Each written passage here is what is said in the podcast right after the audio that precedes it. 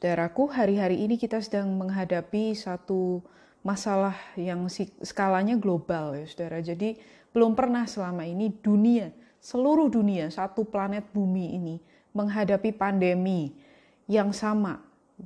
Jadi ini merupakan sesuatu yang baru dan yang menakutkan bagi kita semua. Sampai efeknya ke mana-mana, sampai ke ekonomi, ke kehidupan sosial kita. Sekarang semua-semua pakainya internet ya saudara. Kita hanya bisa bertemu lewat telepon atau lewat video call seperti itu. Nah, dalam keadaan seperti ini sangat penting untuk kita mengingat kembali, ini sudah akhir zaman. Dan kita harus fokus. Apa yang harus menjadi fokus kita di akhir zaman? Itulah yang akan kita bahas di sini.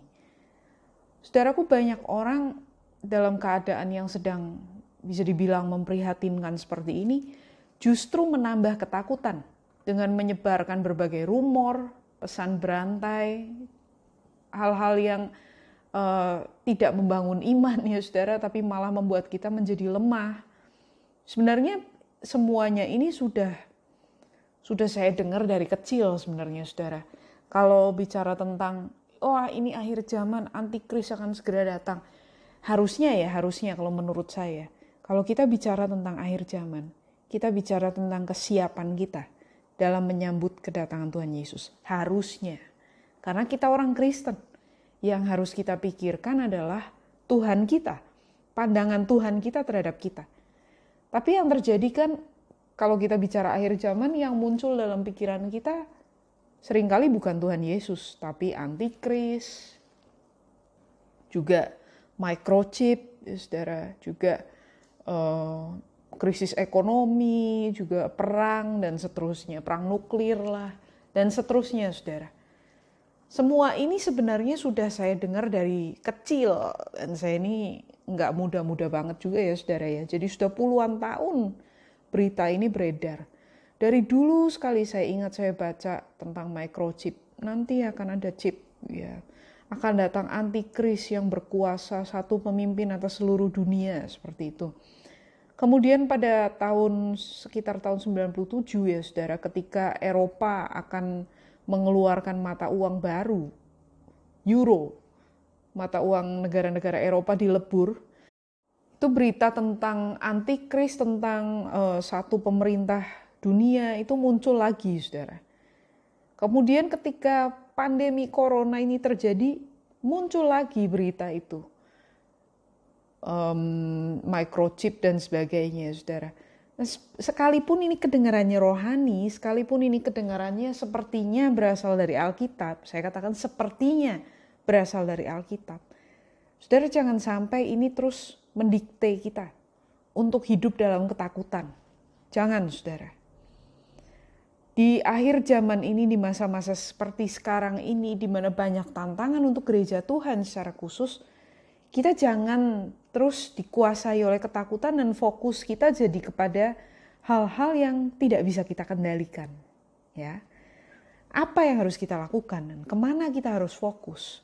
Fokus kita dari awal gereja ada sampai gereja nanti diangkat untuk bertemu dengan Tuhan Yesus. Fokus kita kepada satu, Yesus kita nggak fokus kepada yang lain-lain. Kita tidak fokus pada apa yang terjadi di zaman-zaman ini. Kita tidak fokus pada apa yang menjadi ketakutan kita. Kita tidak fokus pada apa yang menjadi perhatian dunia.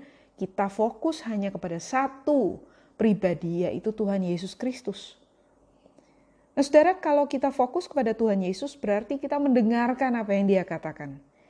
Matius 7 ayat 24 25, Tuhan Yesus berkata bahwa orang yang mendengarkan perkataannya perkataan Tuhan kita dan yang melakukannya itu seperti orang yang bijaksana yang mendirikan rumah di atas batu. Turun hujan, datang banjir, datang angin melanda, tapi rumah itu tetap berdiri kokoh karena dibangun di atas dasar yang tidak tergoncangkan. Pertanyaan buat kita gereja Tuhan, Saudara. Di atas dasar apa kita membangun kehidupan kita? Di atas dasar ketakutankah berita-berita dari luarkah, kata orangkah, rumor yang beredarkah, atau kita membangun kehidupan kita di atas dasar yang solid, yang kuat, yang tidak tergoncangkan, yaitu perkataan Tuhan kita Yesus Kristus. Kalau kita bicara akhir zaman gitu ya, harusnya yang muncul dalam pikiran kita itu dua hal. Apa yang Yesus katakan tentang akhir zaman? Dan yang kedua, apakah saya siap menyambut kedatangan Tuhan saya? Apakah saya layak menyambut kedatangan Tuhan saya? Ini yang harus jadi fokus, saudara.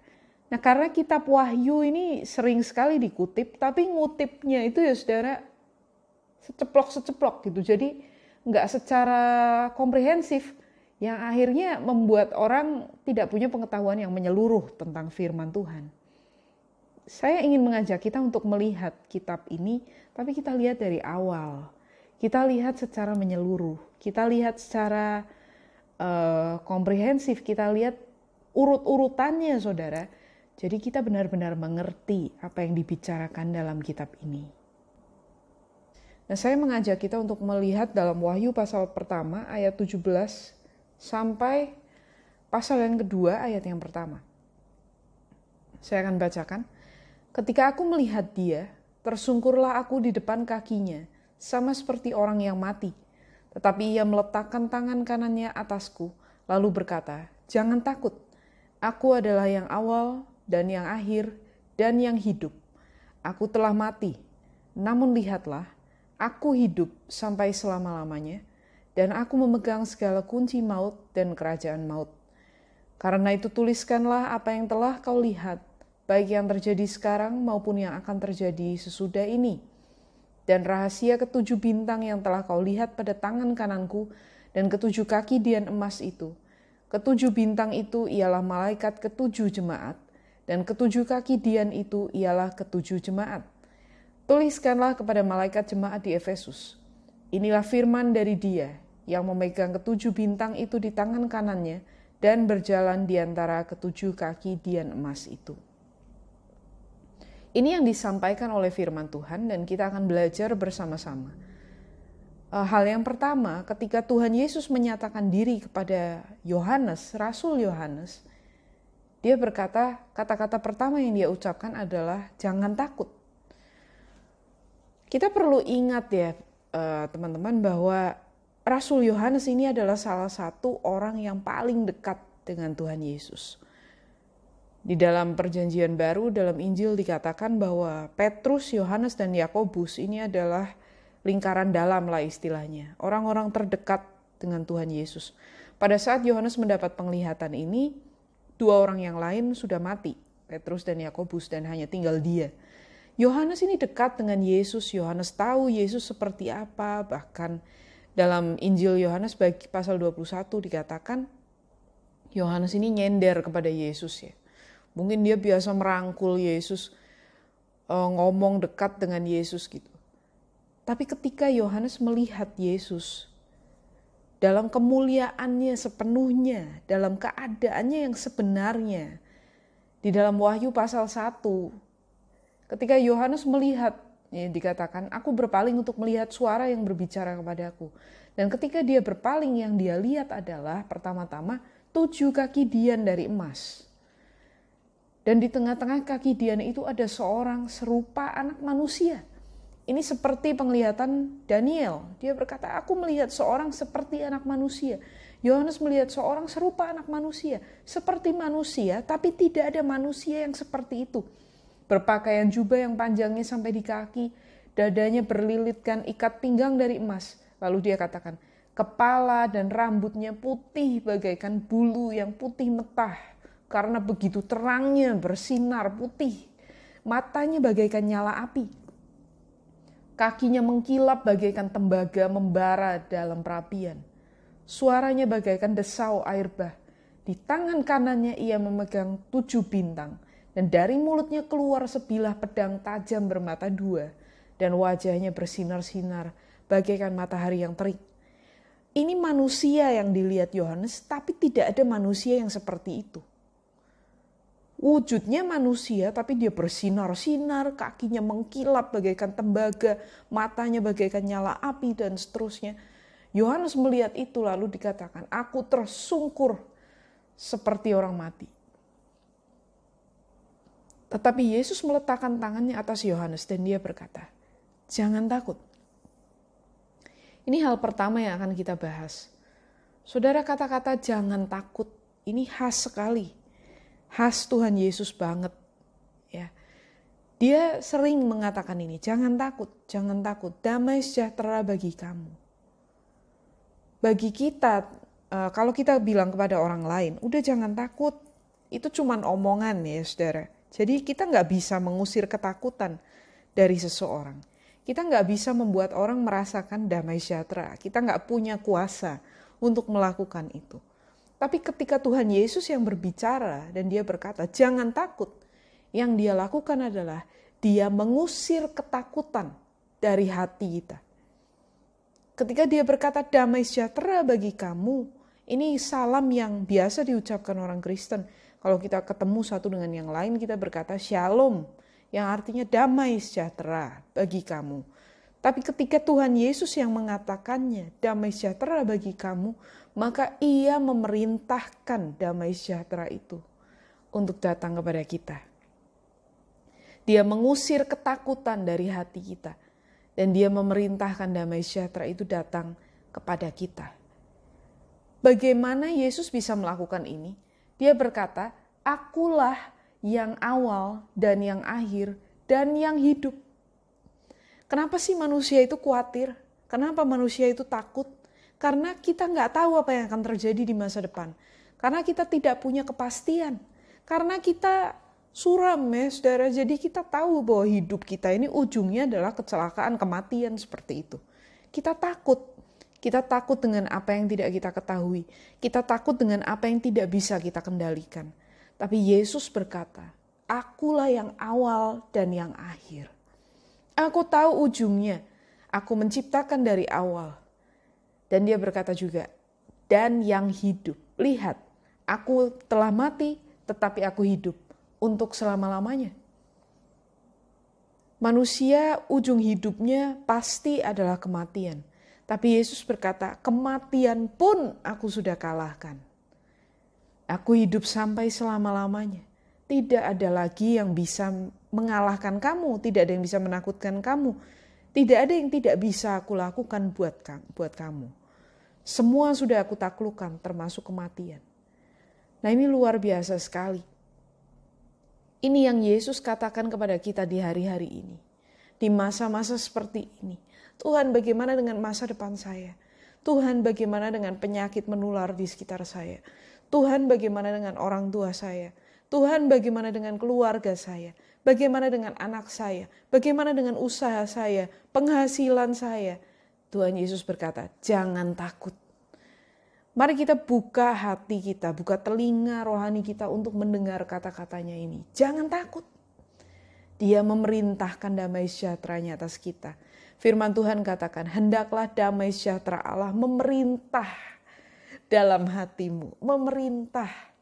Punya kuasa untuk menyingkirkan segala yang membuat kita ketakutan. Inilah yang pertama Yesus katakan, jangan takut. Di dalam Yesus tidak ada yang perlu kita takutkan.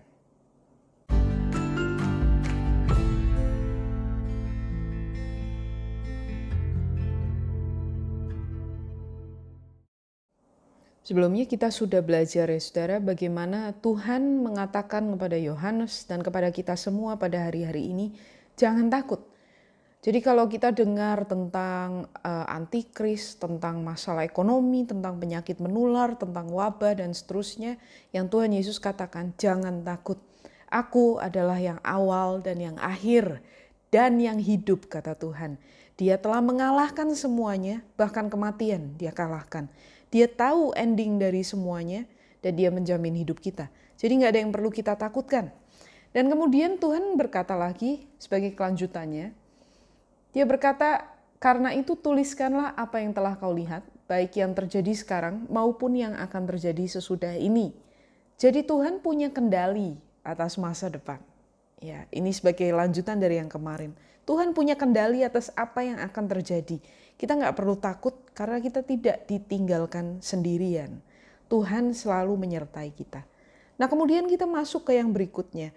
Kalau Tuhan tahu semua yang akan terjadi, bahkan Tuhan berkuasa atas semua yang akan terjadi, kalau Tuhan sudah mengalahkan segala sesuatu, termasuk kematian, dan tidak ada yang belum dikalahkan oleh Tuhan, sehingga kita tidak perlu khawatir.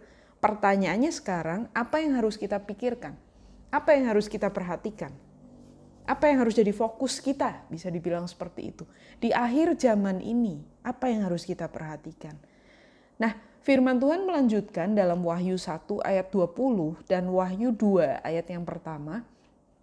Dikatakan, dan rahasia ketujuh bintang yang telah kau lihat pada tangan kananku dan ketujuh kaki dian emas itu, ketujuh bintang itu ialah malaikat ketujuh jemaat, dan ketujuh kaki dian itu ialah ketujuh jemaat. Nah saudara kita tahu bahwa jemaat Tuhan itu jumlahnya bukan tujuh, tapi banyak sekali di seluruh dunia. Tapi angka tujuh di sini merupakan satu simbol, satu lambang ya yang sering sekali dipakai dalam kitab Wahyu. Angka tujuh merupakan lambang dari kesempurnaan. Dikatakan ada ketujuh roh Allah, yaitu roh Allah yang maha kuasa, yang mengetahui segala sesuatu, yang punya pengetahuan yang sempurna, yang sempurnalah pokoknya roh Allah itu. Demikian juga ketika dikatakan ketujuh bintang, tujuh malaikat jemaat dan ketujuh kaki dian yaitu tujuh jemaat. Ini berarti semuanya, seluruhnya, selengkapnya, sedalam-dalamnya saudara.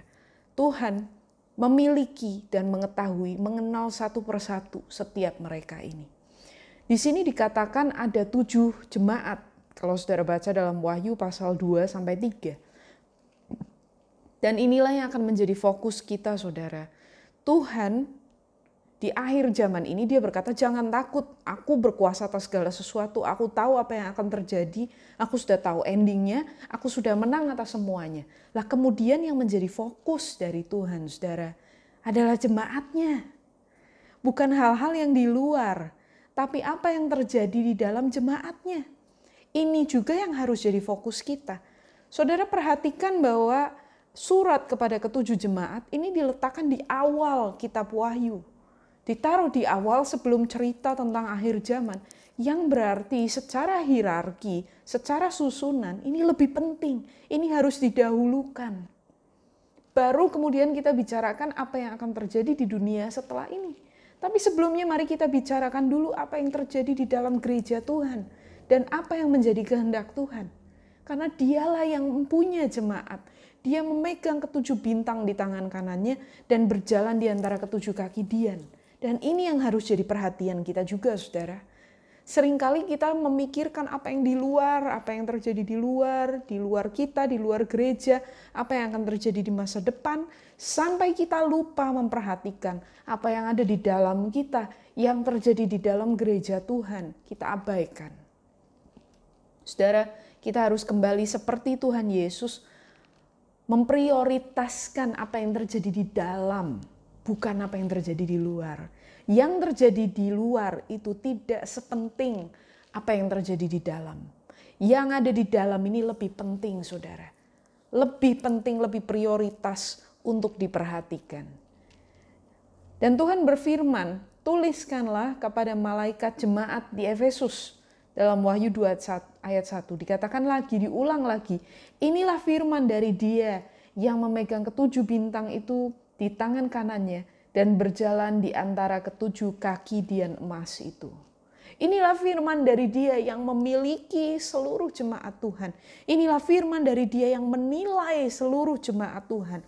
Firman dari dia yang akan menghakimi jemaatnya. Dan ini yang harus kita pikirkan saudara. Sebagai jemaat Tuhan, kita bertanggung jawab kepada Tuhan. Pemimpin-pemimpin jemaat Tuhan bertanggung jawab kepada Tuhan gembala-gembala sidang hamba-hamba Tuhan bertanggung jawab kepada Tuhan dan akan harus menghadap Tuhan untuk mempertanggungjawabkan perbuatannya. Demikian juga gereja-gereja bertanggung jawab kepada Tuhan sebagai kepala gereja untuk uh, mempertanggungjawabkan kehidupannya di hadapan Tuhan. Apakah dia berkenan kepada Tuhan atau tidak? Dan ini yang harus kita perhatikan. Saudaraku ada tujuh gereja dalam Wahyu pasal 2 sampai pasal 3. Dan kita akan melihat bahwa gereja-gereja ini sekalipun mereka adanya 2000 tahun yang lalu dan sebagian besar dari mereka sudah tidak ada lagi, maksudnya kotanya sudah nggak ada zaman sekarang, saudara, tinggal peninggalan-peninggalan sejarahnya. Tapi tujuh gereja ini merupakan representasi, merupakan perwakilan dari gereja-gereja di sepanjang zaman di seluruh dunia sampai pada hari ini. Kalau saudara mendengar apa yang Tuhan katakan kepada mereka, saudara akan ingat gitu ya. Ingat gereja tertentu atau mungkin ingat gereja kita sendiri saudara. Atau saudara berkata, wow ini relevan sekali dengan keadaan sekarang. Gereja pertama yang disebutkan adalah Efesus. Tuhan Yesus berkata, inilah firman dari dia yang memegang ketujuh bintang di tangan kanannya dan berjalan di antara ketujuh kaki Dian itu. Yang dimaksud adalah inilah firman dari dia yang memiliki jemaat dan yang menilai jemaat itu. Tuhan berkata, aku tahu segala pekerjaanmu. Kata-kata ini selalu keluar saudara, aku tahu segala pekerjaanmu. Kamu membenci ajaran-ajaran sesat, kamu bertekun di dalam penderitaan. Tapi kata Tuhan, aku mencela engkau karena engkau meninggalkan kasihmu yang semula. Karena begitu takut dengan yang namanya ajaran sesat, mereka tidak lagi saling mengasihi. Mereka saling curiga satu dengan yang lain, saling tuding satu dengan yang lain. Dan Tuhan Yesus berkata, kalau kamu tidak kembali pada kasihmu yang semula, aku akan mengambil kaki dianmu dari tempatmu. Yang mana maksudnya adalah kamu tidak akan bisa lagi disebut sebagai jemaat Allah. Kenapa ancaman yang begitu mengerikan seperti ini, saudara? Karena di dalam Injil Yohanes Tuhan Yesus berkata, dunia akan tahu bahwa kamu adalah murid-muridku jika kamu saling mengasihi. Bukan jika kamu ketat dalam pengajaranmu, atau jika kamu tertib luar biasa, atau jika kamu berkembang dan jemaatmu banyak, enggak. Tapi dunia akan tahu bahwa kamu adalah murid-muridku jika kamu saling mengasihi. Dan kalau kasih itu sudah tidak ada di tengah-tengah kamu, apakah masih bisa kamu disebut sebagai jemaat? Apakah kamu masih bisa disebut sebagai murid Kristus? Sudah nggak bisa lagi, saudara. Karena itu ini adalah ancaman bagi jemaat di Efesus dan Tuhan berkata, siapa bertelinga, hendaklah ia mendengarkan apa yang dikatakan roh kepada jemaat-jemaat. Perhatikan teguran yang Tuhan sampaikan. Kalau kamu mau bertobat, kalau kamu punya telinga untuk mendengar firman Tuhan, dengarkan teguran ini dan bertobatlah. Kemudian jemaat di Smyrna, Tuhan Yesus berkata, inilah firman dari dia yang awal dan yang akhir, yang telah mati dan yang hidup kembali. Kenapa Tuhan menyebut dirinya seperti itu? Karena dia tahu jemaat di Smyrna mengalami penganiayaan yang luar biasa. Dia berkata, hendaklah kamu setia sampai mati dan aku akan mengaruniakan kepadamu mahkota kehidupan. Janji yang luar biasa bagi jemaat yang sedang dianiaya. Gereja-gereja Tuhan di mana pun di seluruh dunia yang mengalami penganiayaan yang kalau kita berpikir aduh gimana ini penghasilan bulan depan kalau mereka karena iman mereka untuk hidup aja nggak tahu besok masih hidup atau enggak saya membaca tentang orang-orang Kristen di Nigeria saudara yang sewaktu-waktu akan diserang bisa diserang oleh Boko Haram organisasi teroris lokal di Nigeria banyak orang Kristen dibunuh banyak orang Kristen kehilangan rumah mereka tidak bisa beribadah, harus berpindah-pindah dikejar-kejar ketakutan. Tuhan Yesus tahu apa yang mereka alami. Dia yang memiliki ketujuh jemaat itu. Dia yang tahu keadaan jemaat di seluruh dunia. Di mana pun mereka berada. Dia tahu keadaan jemaatnya. Dan dia berkata, jangan takut. Kalau kamu bertahan sampai akhir, aku akan mengaruniakan mahkota kehidupan Kemudian kepada jemaat di Pergamus, saudara. Tuhan Yesus berkata, aku tahu di mana kamu diam. Kamu diam di tahta iblis. Di tempat di mana iblis merajalela, iblis menganiaya. Dia berkata, inilah firman dari dia yang memakai pedang yang tajam dan bermata dua. Ini merupakan gambaran siap tempur ya saudara. Jadi Tuhan tahu mereka tinggal di area musuh dan Tuhan siap membela mereka. Tapi bukan hanya itu. Tuhan juga mencela mereka karena dia berkata, kamu membiarkan pengajaran sesat oleh orang yang namanya Bileam, seperti Bileam, sehingga mereka menyesatkan banyak orang. Dia berkata, bertobat kalau enggak, aku akan memerangi mereka dengan pedang yang ada di mulutku. Jadi pedang ini bukan hanya untuk melawan musuh-musuh Allah, tapi juga untuk melawan ya penyesat-penyesat di dalam gereja Allah. Saudara kemudian gereja yang berikutnya di Tiatira. Tuhan Yesus berkata, inilah firman anak Allah yang matanya bagaikan nyala api dan kakinya bagaikan tembaga kalau saudara dengar Tuhan Yesus berkata seperti ini, matanya bagaikan nyala api, berarti dia bisa melihat, menembus apa yang kelihatan dari luar, saudara. Kakinya bagaikan tembaga. Tembaga adalah logam yang keras. Kakinya bagaikan tembaga, dia siap untuk menginjak dan menghancurkan. Tuhan tahu, Tuhan berkata, pekerjaanmu yang sekarang lebih banyak daripada yang dulu. Kamu sekarang lebih giat, lebih sungguh-sungguh. Tapi aku memperingatkan kamu, karena kamu membiarkan yang namanya Isabel itu mengajarkan umatku supaya hidup di dalam kecemaran. Hidup di dalam zina dikatakan oleh Tuhan. Dan makan persembahan berhala. Jadi beribadah pada Tuhan iya, tapi juga terlibat dalam penyembahan berhala dan kehidupan yang duniawi. Tuhan berkata, aku akan melemparkan dia ke atas ranjang orang sakit. Dan kalau nggak bertobat aku hancurkan dia. Aku yang menguji batin dan hati orang. Nah, saudaraku, Tuhan tahu apa yang terjadi di gereja ini. Di pasal 3 kita masih melihat kelanjutannya.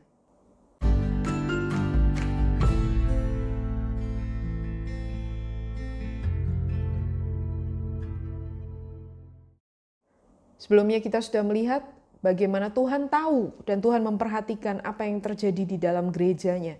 Sekali lagi apa yang terjadi di luar, di luar kita itu tidak sepenting apa yang terjadi di dalam kita. Di dalam diri kita secara pribadi dan di dalam gereja Tuhan. Dan inilah yang menjadi fokus dari Tuhan sebelum Tuhan membicarakan tentang berbagai peristiwa yang akan terjadi di akhir zaman. Karena ditaruh di depan berarti ini hal yang penting dan kalau saudara perhatikan, Tuhan sama sekali nggak membahas tentang fenomena-fenomena yang membuat banyak orang Kristen takut ya, seperti 666, chip, dan sebagainya. Tapi Tuhan berbicara tentang apa yang terjadi di dalam gerejanya. Itu yang lebih penting, itu yang menjadi fokus dari Tuhan. Saudara, apa yang terjadi di luar kita nggak bisa atur, kita nggak bisa ubah. Tapi apa yang terjadi di dalam kita sebagai individu dan sebagai gereja Tuhan, kita bisa berbuat sesuatu. Dan ini yang harus kita fokuskan. Melanjutkan yang kemarin, eh, eh, dikatakan di dalam pasal yang ketiga, kitab Wahyu, Tuhan eh, menyebutkan lagi jemaat yang lain, yaitu jemaat di Sardis. Dikatakan oleh Tuhan, inilah firman dari dia yang memiliki ketujuh roh Allah dan ketujuh bintang itu. Firman dari dia yang memiliki ketujuh roh Allah. Saudara, kalau dia yang memiliki roh Allah, maka dia yang tahu apakah gereja itu hidup atau mati. Tuhan tahu. Dan ini yang Tuhan katakan kepada jemaat di Sardis. Kamu dikatakan hidup, padahal kamu mati. Kalau buat saya, ini adalah teguran yang sangat menakutkan. Gereja bisa kelihatan hidup, jemaatnya banyak, maju luar biasa, aktivitasnya macam-macam, Mungkin pengikut medsosnya luar biasa banyak. Cabangnya di mana-mana. Tapi Tuhan berkata, sebenarnya kamu mati. Apa yang akan kita katakan kalau Tuhan yang memiliki jemaat berkata seperti ini? Kamu kelihatannya hebat di mata orang lain. Kamu kelihatannya hidup. Kamu merasa kamu hidup, padahal sebenarnya kamu mati. Saudaraku, Tuhan yang tahu bagaimana nasib kita, bagaimana keadaan kita sebagai gerejanya. Dan ini yang harus kita perhatikan. Tuhan bilang, turutilah firman yang kamu dengar, bertobatlah. Aku akan datang seperti pencuri. Sewaktu-waktu aku akan datang. Nah saudaraku, ini merupakan satu ancaman yang luar biasa mengerikan. Dan ini yang harus didengar oleh banyak gereja pada masa-masa ini. Ada gereja yang seperti Efesus, kehilangan kasihnya yang mula-mula pahit gitu ya saudara ya. Ke mana-mana yang keluar tuh kebencian, bukan kasih, bukan kata-kata yang membangun. Ada gereja seperti Smyrna yang dianiaya nggak bisa mikir yang lain-lain, cuman tahu kami mempertaruhkan nyawa untuk iman kami setiap hari. Ada gereja seperti di Pergamus, didera oleh penganiayaan dan oleh pengajaran sesat. Ada yang seperti Tiatira, di mana orang-orang Kristennya, saudara, ya Kristen menyembah Tuhan, tapi juga hidup secara duniawi. Ada juga yang seperti Sardis ini, kelihatannya hidup, padahal mati. Aktivitas banyak seolah-olah ada kehidupan, tapi sebenarnya tidak ada kehidupan. Karena Tuhan Yesus yang memiliki roh Allah itu yang berkata kamu tuh gak ada nyawanya. Kamu gak ada rohnya, kamu mati. Yang berikutnya saudara, jemaat di Philadelphia, Tuhan berkata inilah firman dari dia yang kudus, yang benar, yang memegang kunci Daud. Apabila ia membuka, tidak ada yang dapat menutup. Apabila ia menutup, tidak ada yang dapat membuka. Saudara, Tuhan berkata seperti ini karena dia tahu jemaatnya di Philadelphia sebagian besar hidup dari perdagangan. Tapi karena mereka menjadi Kristen, mereka nggak lagi mau pergi ke tempat penyembahan berhala di mana perkumpulan-perkumpulan dagang itu diadakan. Dan karena itu mereka dikucilkan, nggak bisa berdagang lagi. Pintu-pintu tertutup bagi mereka, tapi Yesus berkata, Aku membuka pintu bagi kamu yang tidak bisa ditutup seorang pun. Dan jemaat di Philadelphia ini, saudara, adalah satu dari dua jemaat yang masih ada sampai sekarang. Yang satunya adalah Smyrna di kota Izmir di Turki. Dan yang satu lagi Philadelphia. Sampai hari ini masih ada. Tuhan tahu apa yang dialami oleh umatnya. Kalau saudara sampai susah secara ekonomi karena imanmu, Tuhan tahu. Kalau saudara ditolak oleh orang-orang karena imanmu, Tuhan tahu. Kalau saudara dibuang oleh keluarga karena imanmu, Tuhan tahu. Tuhan memperhatikan itu. Tapi Tuhan berkata, aku yang punya kunci. Aku yang bisa membuka pintu dan menutup pintu. Manusia nggak bisa berbuat apa-apa. Aku yang punya kuasa. Dan jemaat yang terakhir, saudara, ini terkenal banget. Dikatakan Tuhan berkata, inilah firman dari Amin, saksi yang setia dan benar, permulaan dari ciptaan Allah. Saksi yang setia dan benar, semua yang dia katakan itu benar. Dan Tuhan memarahi jemaat di Laodikia ini. Aku tahu segala pekerjaanmu, ini yang Tuhan katakan. Engkau tidak dingin dan tidak panas. Kamu suam-suam kuku. Dan kalau kamu seperti ini terus, aku akan memuntahkan kamu dari mulutku.